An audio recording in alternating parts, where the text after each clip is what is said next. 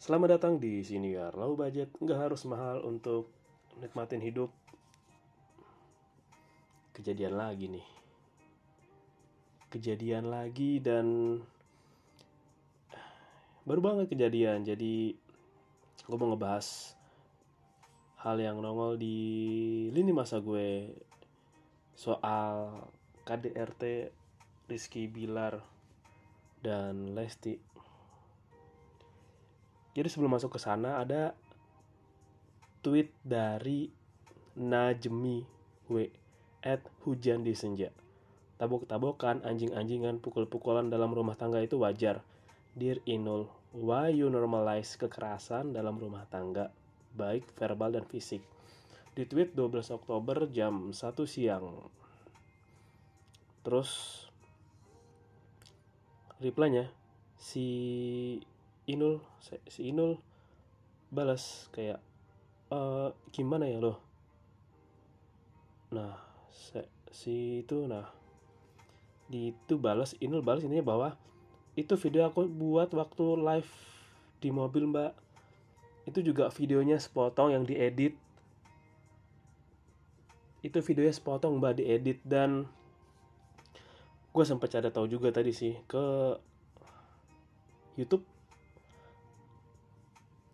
ini sih ya, banyak banget akun yang ngejual video-video potongan yang dibuat atau diarahkan seakan-akan tuh normal loh KDRT loh atau normal loh kayak uh, tindakan yang anjing-anjingan maki-makian gitu dan jadi kalau sempetin lihat videonya itu video bener-bener sepotong rekamannya burem jelek dan itu gue kan uh, Inul bilang live IG kan di mobil Mbak Inul bilang live IG dan yang ngerekam HP-nya jelek berarti ya emang tuh yang ngerekam pasti bukan orang yang pakai sinyalnya bagus bukan dari ya bukan sinyal yang bagus bukan hasil rekaman yang bagus dan dari potong. Potongannya pun kelihatan gimana ya dan kalau lihat komen-komennya itu orang udah nyalahin duluan udah normal mbak bla bla bla gitu kan. Terus ya si si uh, si Najim ini bilang kayak mbak tolong kasih aku link videonya dong mbak. Biar aku nggak misinformasi. Ya ini tadi bilang itu live IG dan ada orang yang rekam terus diedit sepotong diedit potong-potong terus di share ditambahin inilah bumbu inilah itulah. Diupload ke YouTube dimasukin gambar clickbait lah. What the fuck? Kenapa gitu kayak?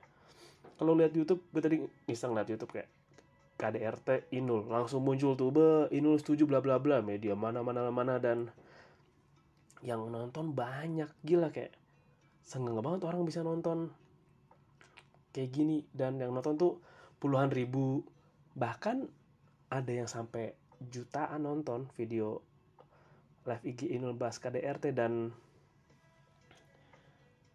gue juga sering ingetin sih jangan berkesimpulan utuh atas informasi yang sepotong.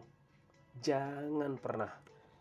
Karena belajar dari kasus-kasus yang lalu yang ada malah lo jadi pemfitnah. Lo malah jadi pelaku. Dan kalau udah kebukti kebenarannya lo udah telanjur nuduh, lo mau buat apa? Lo mau tanggung jawab? Enggak kan? Pasti lo ngilang. Pasti kayak, oh enggak siapa suruh ini, siapa suruh ini. Pasti lo bakal nyalahin orang lain daripada introspeksi diri sendiri lebih baik saya menyalahkan orang lain dan itu emang ini sebenarnya bukan hal bagus sih. Membiasakan yang benar dan membenarkan yang biasa itu hal yang beda. Jadi kita masih di hal membenarkan yang biasalah. Ya biasalah. Namanya juga ada orang cari duit edit edit video biar banyak yang nonton. Kan clickbait. Kan juga ada keluarganya yang perlu makan memang sih. Kan emang ada juga kan orang yang butuh penghasilan daripada gabut terus buat kriminal ya bikin edit video gitu aja ya potong-potong video tambah-tambahin ini diupload.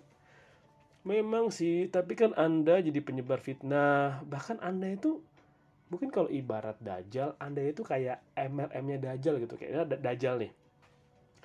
Dajjal bikin MLM kan kaki satu berapa kaki satu bisa dapat viewers berapa terus kayak yang paling utama viewersnya banyak terus kalau viewers edit videonya kayak gini lagi maka viewersnya nggak sebanyak kaki pertama gitu. Lu kayak orang yang edit video setengah dibikin jelek-jelekin orang dan memfitnah itu sama kayak agennya Dajjal. Mungkin freelance-nya Dajjal kayak misalkan Dajjal di masih di tempatnya gitu kan di ya di tempat singgahnya itu terus kayak hmm sepertinya saya butuh freelance nih buat latihan buat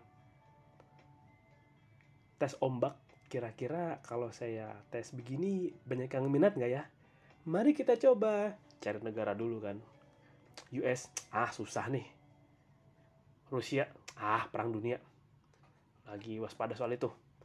Korea Selatan ah mereka lagi pada fokus industri boyband terus misalkan cek negara Brazil main bola. Hmm, Australia bentar. Hmm serem ah banyak laba-labanya. Terus dekat Australia apa nih? Loh ada negara kayak gini nih. Negara yang penghuninya masyarakatnya gampang banget diprovokasi. Oke mari kita cari freelance dari sini. Dan ya itu orang itulah freelance dajjal yang nyebar-nyebar fitnah dan kalau emang boleh gue reka ya menurut gue hmm, feeling gue sih karena melihat kemarin lucu banget tuh mas Adam asli lucu banget lah mas Adam. Cosplay jadi aduh lucu banget dah. Jadi minion terus jadi orang so galak terus yang baru tuh yang tadi gue lihat lagu Blink Adam Song diganti pakai wajahnya Mas Adam. Lucu banget. Lucu banget. Kenapa lucu banget ya Adam Song. Memang sih Adam Song. Tapi kan bukan berarti pakai mukanya Mas Adam dong. Bukan. Nah gue yakin bahwa di video potongannya sih bilang ya saya ya anjing-anjingan tabok-tabokan. Ya mungkin wajar kalau memang lagi dalam melakukan kegiatan ya seksual atau berhubungan badan. Kan memang ada salah satu kegiatan itu kan memang ada yang BDSM bondage and sadomasokis. Jadi ya memang ada kata-kata kasar, ada tabok-tabokan di sana, tapi dengan konsen, dengan izin, dan dengan kesepakatan. Kalau memang tiba-tiba asal nabok, lagi diam ditabok, terus lagi ditendang atau dilempar bola biliar, itu bukan BDSM dong, itu bukan fantasi dong, itu bukan kegiatan seksual dong, itu namanya kekerasan. Kan emang ada batasannya. Dan buat warganet yang tapi emang ada anjing sih yang bilang. Ini ada sih di screenshot meme kan waktu ada berita itu muncul yang Reski Bilar itu muncul kan ada yang reply bahwa udah balikan aja mbak. Kasihan anaknya. Toh lagi pula saya juga sering digituin sama suami saya tapi saya tetap sabar malah saya lebih sering digituin lebih dari mbak ada orang yang nyepuin dirinya sendiri di Facebook komen suruh balikan. Begini ya. Gue mau bahas dari beberapa perspektif terutama perspektif secara psikologis. Jadi kayak lo semua kayak tolong jangan tolol jangan kemakan informasi setengah tapi lu kemerungsung mau buru-buru si paling cepet buru-buru si si eksis salah yang penempatan katanya pingin pengen paling keren, pengen paling gaul, pengen paling cepet respon, pengen paling edgy, langsung komen seenak jidat kontol lo itu. Lo jangan gitu dulu deh, lo jangan ngerugiin orang lain ya. Lo mendingan urusin diri lo yang belum bener itu daripada komentarin hidup orang lain. Kekerasan dalam rumah tangga itu beda dengan BDSM kekerasan aktivitas seksual itu dua hal yang sangat jauh berbeda. Karena aktivitas seksual ada konsen ada izin ada omongan. Nanti kalau aku jambak gimana ya sekeras apa ya? Atau kalau misalnya aku kamu maunya di spank di mana? Nah nanti lu bisa ketika udah cukup waktunya udah di atas 25 26 lo pelajarin deh tuh BDSM tapi dengan tiba-tiba dipukul sampai memar diinjek bahkan dilempar bola biliar. Hmm. dan lo tau nggak tadi itu gue juga nemu nggak nemu sih muncul di lini masa gue video dari Opini ID yang dipost 8 jam lalu tanggal 12 Oktober. Jadi terekam video rekaman CCTV yang memperlihatkan Rizky Bilar berusaha melempar Lesti Kejora dengan bola biliar. Gue ulangin lagi. Memperlihatkan Rizky Bilar sedang melempar bola biliar ke arah Lesti Kejora. Rekaman ini tertera tanggal 29 Oktober 2021 pukul 00.07. 2021 belum lama, setahun lalu kurang. Video juga orang gila mana yang lempar bola biliar bola biliar itu keras gila gila kali lempar bola biliar tebel keras itu untuk di video sih kepleset direkam CCTV-nya sih. Tapi ini kan nunjukin bahwa ada orang yang lihat tuh berapa orang berdiri tapi nggak berani ngelawan. Atau nggak berani ngebela atau nggak berani nahan. Nanti kita akan masuk ke sana. Gue bahas dulu soal KDRT itu nggak dibenarkan men. Asli. Lu mukulin pasangan lu. Mungkin ada juga perempuan melakukan ke prianya ada. Itu juga ada kok pria yang jadi korban. Kalau pria oke ini pengetahuan gue aja dan lu cari lagi risetnya ya. Kebanyakan tuh ya pria jadi korban adalah secara mental secara psikis. Tuntutan ini itulah. Komunikasi yang jelek inilah. Tapi kalau KDRT itu adalah yang kelihatan di badan dan kebanyakan pelakunya kebanyakan ya kebanyakan dan cenderung pria. Karena apa? Karena pria lebih memiliki energi yang lebih besar dibanding wanita. Dan itu nggak dibenarkan men. Itu kayak trauma yang ditimbal, ditimbulkan akibat KDRT itu mendalam. Dalam. Trauma itu dalam karena KDRT misalkan debat-debat debat tiba-tiba lo ditampar atau lo dilempar barang ke arah lo atau tiba-tiba lo ditendang. Bahkan ada yang se kejadian tuh kayak tolong dong ambilin baju ini. Baju warna hitam. Dan ambil baju di lemari. Bukan hitam yang ini. Kamu goblok apa? Bukan hitam ini aku maksud. Hitam yang lain. Hitam yang itu biasa. Emang aku mau pakai baju ini? Hah? Lihat. Hah? Bukan baju hitam yang ini. Tolol kamu gitu. Bahkan ada yang kayak gitu ada. Nah sekarang gue tadi berusaha recall lagi sih ingatan gue soal penyebab KDRT secara psikologis dan hasil ingatan yang bisa gue dapat adalah misalkan kita uh, kayak penyebab KDRT pertama oke ini gue bahas dari segi suami yang melakukannya ke istri ya. Oke misalkan KDRT itu bisa dilakukan karena pertama ekonomi.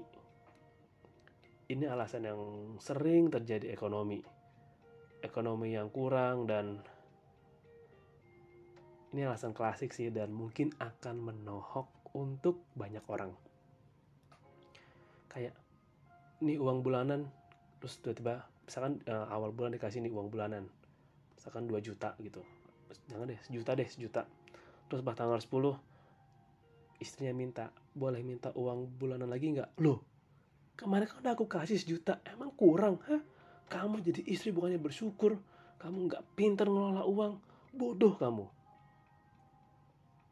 Padahal asli ngelola uang di rumah tangga itu enggak segampang lo waktu lagi ngekos.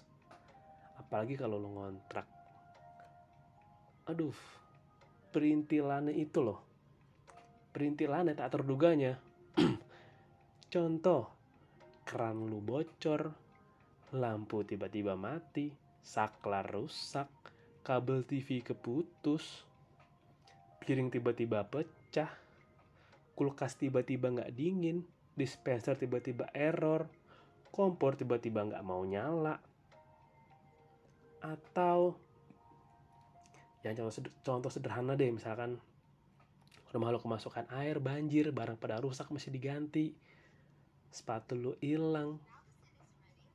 Atau baju lu udah pada habis terus lu nggak punya baju lagi lu masih beli baju baru. Terus lu mesti aktif di sosial lu mesti interaksi. Lu mesti bayar iuran ini iuran sampah iuran keamanan mesti bayar listrik token pulsa kuota mesin cuci atau laundry gak cukup lagi bahkan harga makanan sekarang gue juga pernah bahas di episode gue lumayan jauh sebelumnya kita akan semakin kekurangan orang pintar. Harga barang kebutuhan pokok pun memang anda kira turun. Turun sedikit tapi naiknya. Wow. Apalagi dengan cuaca seperti sekarang. Ditambah kita mau dan maka sudah kelihatan resesi di beberapa negara tuh kenaikan inflasinya tuh sudah wow. Tapi kita masih bergulat dalam hal yang gak penting. Dibanding mikirin ekonomi kita gimana ke depannya. Ketahanan pangan kebutuhan pangan. Ya kan ketahanan pangan gimana? Cukup apa nggak kebutuhan dalam negeri? Mencukupi kebutuhan masyarakat sendiri. Kebutuhan ketahanannya gimana? Konsumsinya gimana? Jumlahnya? Kualitas bahannya gimana distribusinya gimana teknis pengirimannya gimana nyampe ke kita gimana kita beli harganya tertinggi apa enggak petaninya dibeli dengan harga baik apa enggak hasil pertaniannya. Itu rantainya panjang tapi kita juga kena dampak semua rantai itu yang berasal dari ya lo tahu kebijakannya harus gue akuin. Gue juga pernah bilang di episode gue yang dulu bahwa salah satu faktor yang mesti kita siapkan dalam keadaan darurat adalah kebijakan yang kadang wadididau. Iya kita harus siapkan kebijakan yang tidak terduga. Jadi kita harus siap-siap masyarakatnya harus punya ketahanan bahkan untuk rumah tangganya sendiri. Itu dari ekonomi. Kebutuhan yang bahkan yang primer belum terpenuhi. Berikutnya, rasa traumatis orang yang melakukan KDRT bisa melakukannya kembali karena di masa lalu pernah menjadi korban dari orang terdekatnya entah keluarga atau melihat langsung kejadiannya. Bisa lo kayak, aku dulu disiksa, maka ketika kau sudah besar aku ingin mesiksa balik untuk melampiaskan rasa kekesalan yang dulu tidak bisa aku keluarkan. Sama kayak ketika dulu anaknya dibentak oleh orang tua, maka ketika anaknya ini sudah dewasa, sudah punya anak lagi, maka dia bisa jadi sering membentak anaknya karena tidak bisa mengungkapkan kekecewaannya, kemarahannya di masa lalu. Itu seperti rantai yang nggak keputus kalau emang kita nggak pengen mutus, lu nggak pengen ngutus dan mengubah itu. Pengalaman, lu langsung, ngerasain langsung. Ketiga, karena gangguan emosi. Ada orang yang marahnya meletup-letup, nggak bisa mengendalikan. Kepicu dikit trigger marahnya langsung marah brutal. Ada yang kayak gitu. Gangguan emosi. Ciri-cirinya itu adalah ketika gampang marah, mukanya merah, padem, gigi gemeter, nahan amarah. Nah, itu orang-orang yang perlu belajar untuk mengendalikan emosinya seperti juga dengan orang yang ketika kesenggol dikit langsung emosinya marah, marahnya ngacak, kasar, brutal. Wah, chaos deh. Ya, mati banting inilah, maki-maki inilah, ada yang kayak gitu. Pengendalian emosi. Dan keempat, orang bisa KDRT selain karena gangguan emosi, juga karena ingin merasa superior atau merasa superior. Ini coba deh gue bahas menurut versi gue aja ya yang gue bisa recall. Ingin masa superior adalah ingin kelihatan sebagai orang yang bertanggung jawab. Kayak gue ini kepala keluarga. Lo harus ikutin kata-kata gue. Gue ini suami lo lo harus tunduk sama gue. Lo harus ngelayanin gue.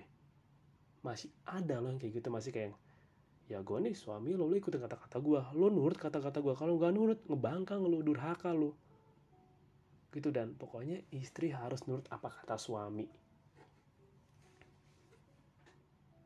Ada lo ada gitu masih ada masih ada. Nanti coba deh lo cari tahu aja deh kasusnya atau contohnya ada kok. Terakhir. Pingin bilang aduh anjing apa nih ah, udah hewan. Hmm, coba gue simpulkan kata-katanya dulu. Kenapa orang bisa KDRT karena bisa dibilang asshole perangai. Perangai. Perangai itu coba nanti lu kata perangai deh. Perangai itu pun kayak ya pembawaannya emang kasar aja. Ada yang kasar yang udah selingkuh KDRT nggak menafkahi. Ada yang gitu ada. Dan kayak gitu emang ada. Dan ya gue nggak tahu ya. Bisa juga dibilang yang bilang bad boy. Padahal emang bukan bad boy tapi emang kasar aja. Kasar karena berani. Nggak takut gitu.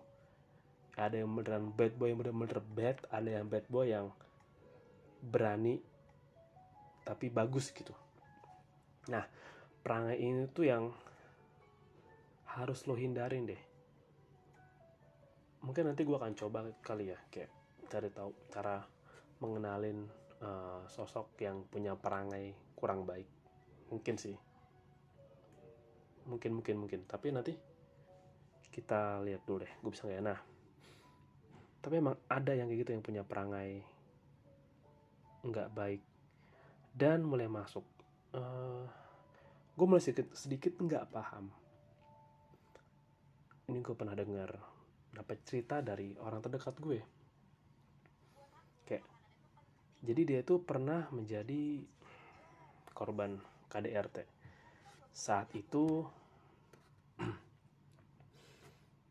gue nggak tahu apakah ini bisa dibilang normalisasi atau hal yang oh ya udah urusan mereka. Jadi kayak katakanlah uh, temen gue ini tinggal di sebuah rumah biasa di perumahan biasa. Kayak komplek-komplek biasa atau perumahan biasa lah kayak kafling biasa lah suatu malam mantan suaminya nih marah banget sama dia marah banget. Gue lupa jelasnya kenapa tapi tuh temen gue nih sampai dijambak dimaki-maki diseret keluar. Sampai temen gue sampai minta minta maaf. Sampai teriak ampun terus minta maaf ampun dan bener-bener temen gue tuh dijambak ditarik keluar di maki-maki dia minta maaf minta ampun sampai bajunya sobek gitu. Gue ingat ceritanya. Tetangga nonton. Nonton ini doang nongol nonton dan gue yang ngasih cerita dia sih kayak ketika kejadian itu hanya nonton. Ya hanya nonton. Terus kayak di depan lo nih ada suami istri sih. Suaminya lagi jambak rambut istrinya. Ditarik keluar. Seret-seret di jalan. Terus cuma nonton. Gak ada yang balik negor karena urusan rumah tangga orang. Jangan ikut campur kalau udah membahayakan nyawa membahayakan diri ya lu selamatin lah lu tolong lah. Gila kali. Gue bisa bilang gila kenapa ya? Itu psikisnya kena korbannya. Bahkan kalau emang tak track boleh mah tak track berlebihan sampai banting barang pun juga lu bisa sebagai tangga kalau emang lu peduli lu yang terdekat ya tolong pak kenapa pak tahan pak tahan sabar tahan ingat istighfar bla bla nggak nonton enggak mesti dibantu mesti ditolong. Terus kalau misalnya dibiarin terus bentar amit-amit dibakar lah atau dipukul dengan batu lah. Ditampar keras dipukul memar lah. Terus cuma nonton doang iya kejadian gini takut nih gak enak ganggu rumah tangga orang lah. Nyawa orang psikis orang traumanya bisa seumur hidup luka batinnya bisa seumur hidup. Lu nggak boleh cuma nonton doang. Mungkin dulu lu semangat kayak cie cie atau waktu masih deketin kayak di PDKT yang dicomblangin. Tapi ketika terjadi kekerasan kayak gini ya lu bantuin juga lah. Lu ada peran di sana. Walaupun sedikit tapi lu udah bertanggung jawab terhadap kejadian yang dialami seseorang ditolonglah jangan ditonton doang. Lu kayak oh ya udah diliatin aja deh endingnya gimana. Ya enggak gitu lagi. Aduh. Gua nggak tahu kenapa. Ya tolong jangan kayak gitu lagi ya. Kalau emang lu lihat ada dimaki-maki suami istri suami maki istrinya nampar istrinya di pinggir jalan gitu ya lu pisahin. Lu pisahin suaminya. Bahkan itu lu nggak boleh kayak gitu. Kalau misalnya lagi berhubungan badan ya di dalam ruangan gak ada gitu melakukannya gitu. Itu dengan concern tapi ini kan di jalan. Main kayak wah nggak gitu dong bukan dengan kata-kata di medsos yang bla bla bla. Enggak tindakan langsung lah. Sebisa mungkin dengan tindakan langsung ditolong itu apalagi kayak kejadian kejadian di alam Lesti kemarin. Sebenarnya kalau emang secara psikologis kalau perhatiin juga hmm gue pernah bilang ya kayak gue pernah bilang di beberapa episode gue sebelumnya. Bahwa gue juga yakin ada yang nggak beres dengan Lesti karena selain matanya semakin belok tatapan-tatapan seperti tercekik. Lu pernah ngeliat nggak sih orang yang lagi natap lu tapi dia lagi kecekek gitu tenggorokannya? Pingin teriak tapi ketahan. Terus kayak lagi diikat seluruh badan terus cuma dia kayak lagi diikat dari belakang mulutnya dibekep terus dia ngelatin lu minta bantuan lu. Tapi dia nggak bisa bilang karena kalau dia ngelakuin itu dia bakal disiksa. Itu kelihatan sih. Kelihatan banget. Gue juga dulu sempat sebagai orang yang pernah mengagumi Lesti karena dia berbakat. Suaranya bagus banget. Wajahnya cerah cantik menggemaskan. Tapi sekarang kan dengan tatapan yang kayak gitu dengan sorot sorot matanya yang paling kelihatan deh dengan air muka air mukanya yang kayak gitu itu kelihatan bahwa emang dia minta tolong sebenarnya. Tapi kalau emang yang biasa tahu atau bisa ya ngebaca pasti tahu sih ada nggak beres. Dan ya sekarang pasti karir lakinya hancur lah. Itu hancur banget. Ya udah nggak mungkin bisa ditolong karena ya terlepas dari gua nggak gua nggak tahu deh dulu dia pernah A B C D. Mm, kita sampingkan tuh dulu kita ke fokus sekarang sekarang. Anak nggak bisa dijadikan pembenaran untuk rujuk balik. Seperti kayak ada wanita yang diperkosa oleh seorang pria. Untuk menyelesaikan kasusnya maka si orang yang melakukan pemerkosaan dinikahkan dengan si korbannya ini gitu. Korbannya udah punya anak terus ya hidup tekanan batin ini kan hal yang salah. Hal yang salah tapi beberapa masih dinormalisasi. Itu hal yang mesti kita ubah. Hal yang mesti kita perbaikin dan sudah enggak boleh dinormalisasi lagi. Dinormalisasi yang namanya ada suami nyiksa istrinya di depan jalan jadi tontonan atau bahkan sampai istri minta tolong dalam rumah kita cuma dengerin doang nggak masuk ke dalam juga. Udah nggak bisa dinormalisasi. Bukan masalah ganggu rumah tangga enggak selamatin nyawanya itu dalam keadaan terdesak. Situasi yang berbahaya tugas lu nyelamatin kesehatannya fisiknya. Bukan mencampurin enggak nolongin. Nolongin. Kalau mencampurin kan lagi ngobrol misalkan uh, suami istri ngobrol uh, sayang kita beli kursi yuk kata suami istri jawab ya udah beli kita beli informa aja ya. Lu masuk jangan informa IKEA aja lo gede promo tahu ini ke mana aku nih promo di IKEA nih kursi ini murah. Nah itu baru ikut campur namanya. Ini kalau nolongin nggak bisa ya, nggak bisa dianggap normal hal yang kejadian kayak gitu. Dan harapan gue adalah Lesti bisa dibantu untuk pelan-pelan dirangkul lagi untuk bisa kembali bertahap bertahap pulih secara emosional, secara psikologis pelan-pelan. Pasti lukanya mendalam ketika nah satu lagi nih, ini anjing banget. Kesel gue kenapa lu bisa ngira apa yang terjadi di dunia ma dunia ya depan TV itu sama kayak di dunia nyata gitu kayak.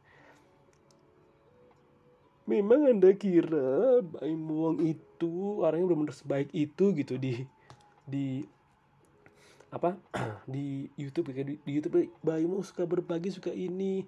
Tapi ketika dia bikin ide ngeprank polisi yang kemarin tuh gue yakin juga kayak timnya pasti ada pengen dia kayak pak jangan ngeprank polisi pak. Bahaya bisa kriminal pak tapi timnya takut aja negor Baim Wong makanya nggak jadi tuh.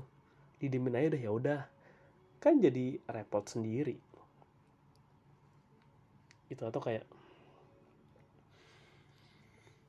siapa gue ambil contoh ya? Hmm, kalau pak yang itu atau kayak siapa ya? Hmm, coba gue inget dulu deh.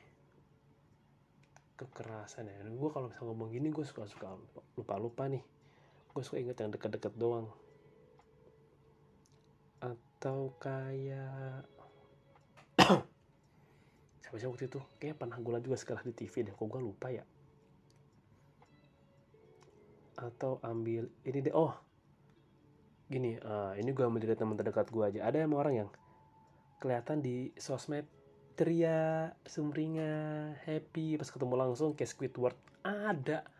Banyak banget yang kayak gitu jadi berhenti normalisasi orang yang kelihatannya di dunia maya sama dengan di dunia nyata juga ya enggak lah ada yang namanya tuntutan dan peran ada yang namanya kewajiban dan pekerjaan. Ketika lo emang orang introvert tapi lo dituntut untuk kerja tampil aktif, ceria, semangat, mudah bergaul, ya lo harus tampilin itu karena itu tuntutan dan pekerjaan lo. Emang tuntutannya begitu. Ya kalau nggak mau ya udah jangan diambil. Cari yang lain. Lo fokus cari pekerjaan sesuai dengan karakter lo. Tapi kan emang ada orang yang ya karakternya misalkan orang emang pendiam lah pemalu tutup tapi di pekerjaan terpaksa harus dipaksa sampai aktif. Emang ada. Emang itu adalah peran profesionalnya. Jadi jangan sama kayak oh sama kayak tindakannya Dewi yang dulu pernah tuh. Yang pernah di dimarahin ibu-ibu dianggap jahat di sinetron. Padahal lah itu acting dia di sinetron apa di jambak jambak kira juga pernah ada gue lupa siapa ya yang pernah diomelin juga di ama ama ama tuh. Kamu jahat banget bla bla bla bla gitu kan. Itu padahal acting doang. Aduh gue bilang kenapa nggak bisa nggak bisa misahin realita sama apa yang ada di TV sih gitu. Wow sama kayak juga Rizky Bilar gue curiga sih masa sampai lebah sampai bikin nangis nangis gini nangis nangis gini. Cuma kayaknya nangis beneran yang di mobil tuh. Lesti yang nangis tuh beneran kayak mau ngungkapin stresnya tapi nggak bisa karena di hadapan orang yang melakukan itu ke dia. Seram sih dan lagi-lagi sih bahas nggak ya soal air mukanya si RB itu? Nggak usah lah. Biar aja emang udah kelihatan juga sih emang sisi aslinya gimana. Uh panjang juga jadinya. Oh senior ini tapi nggak apa-apa lah. Berhenti normalisasi hal yang nggak normal. Jangan berkesimpulan utuh atas informasi yang sepotong. Dan kalau ada orang di sekitar lu yang mengalami korban menjadi korban dalam rumah tangga dan lu ngeliat lu ngedenger lu bantu. Jangan diemin doang oke okay? thank you udah dengerin dan salam low budget gak harus mahal untuk nikmatin hidup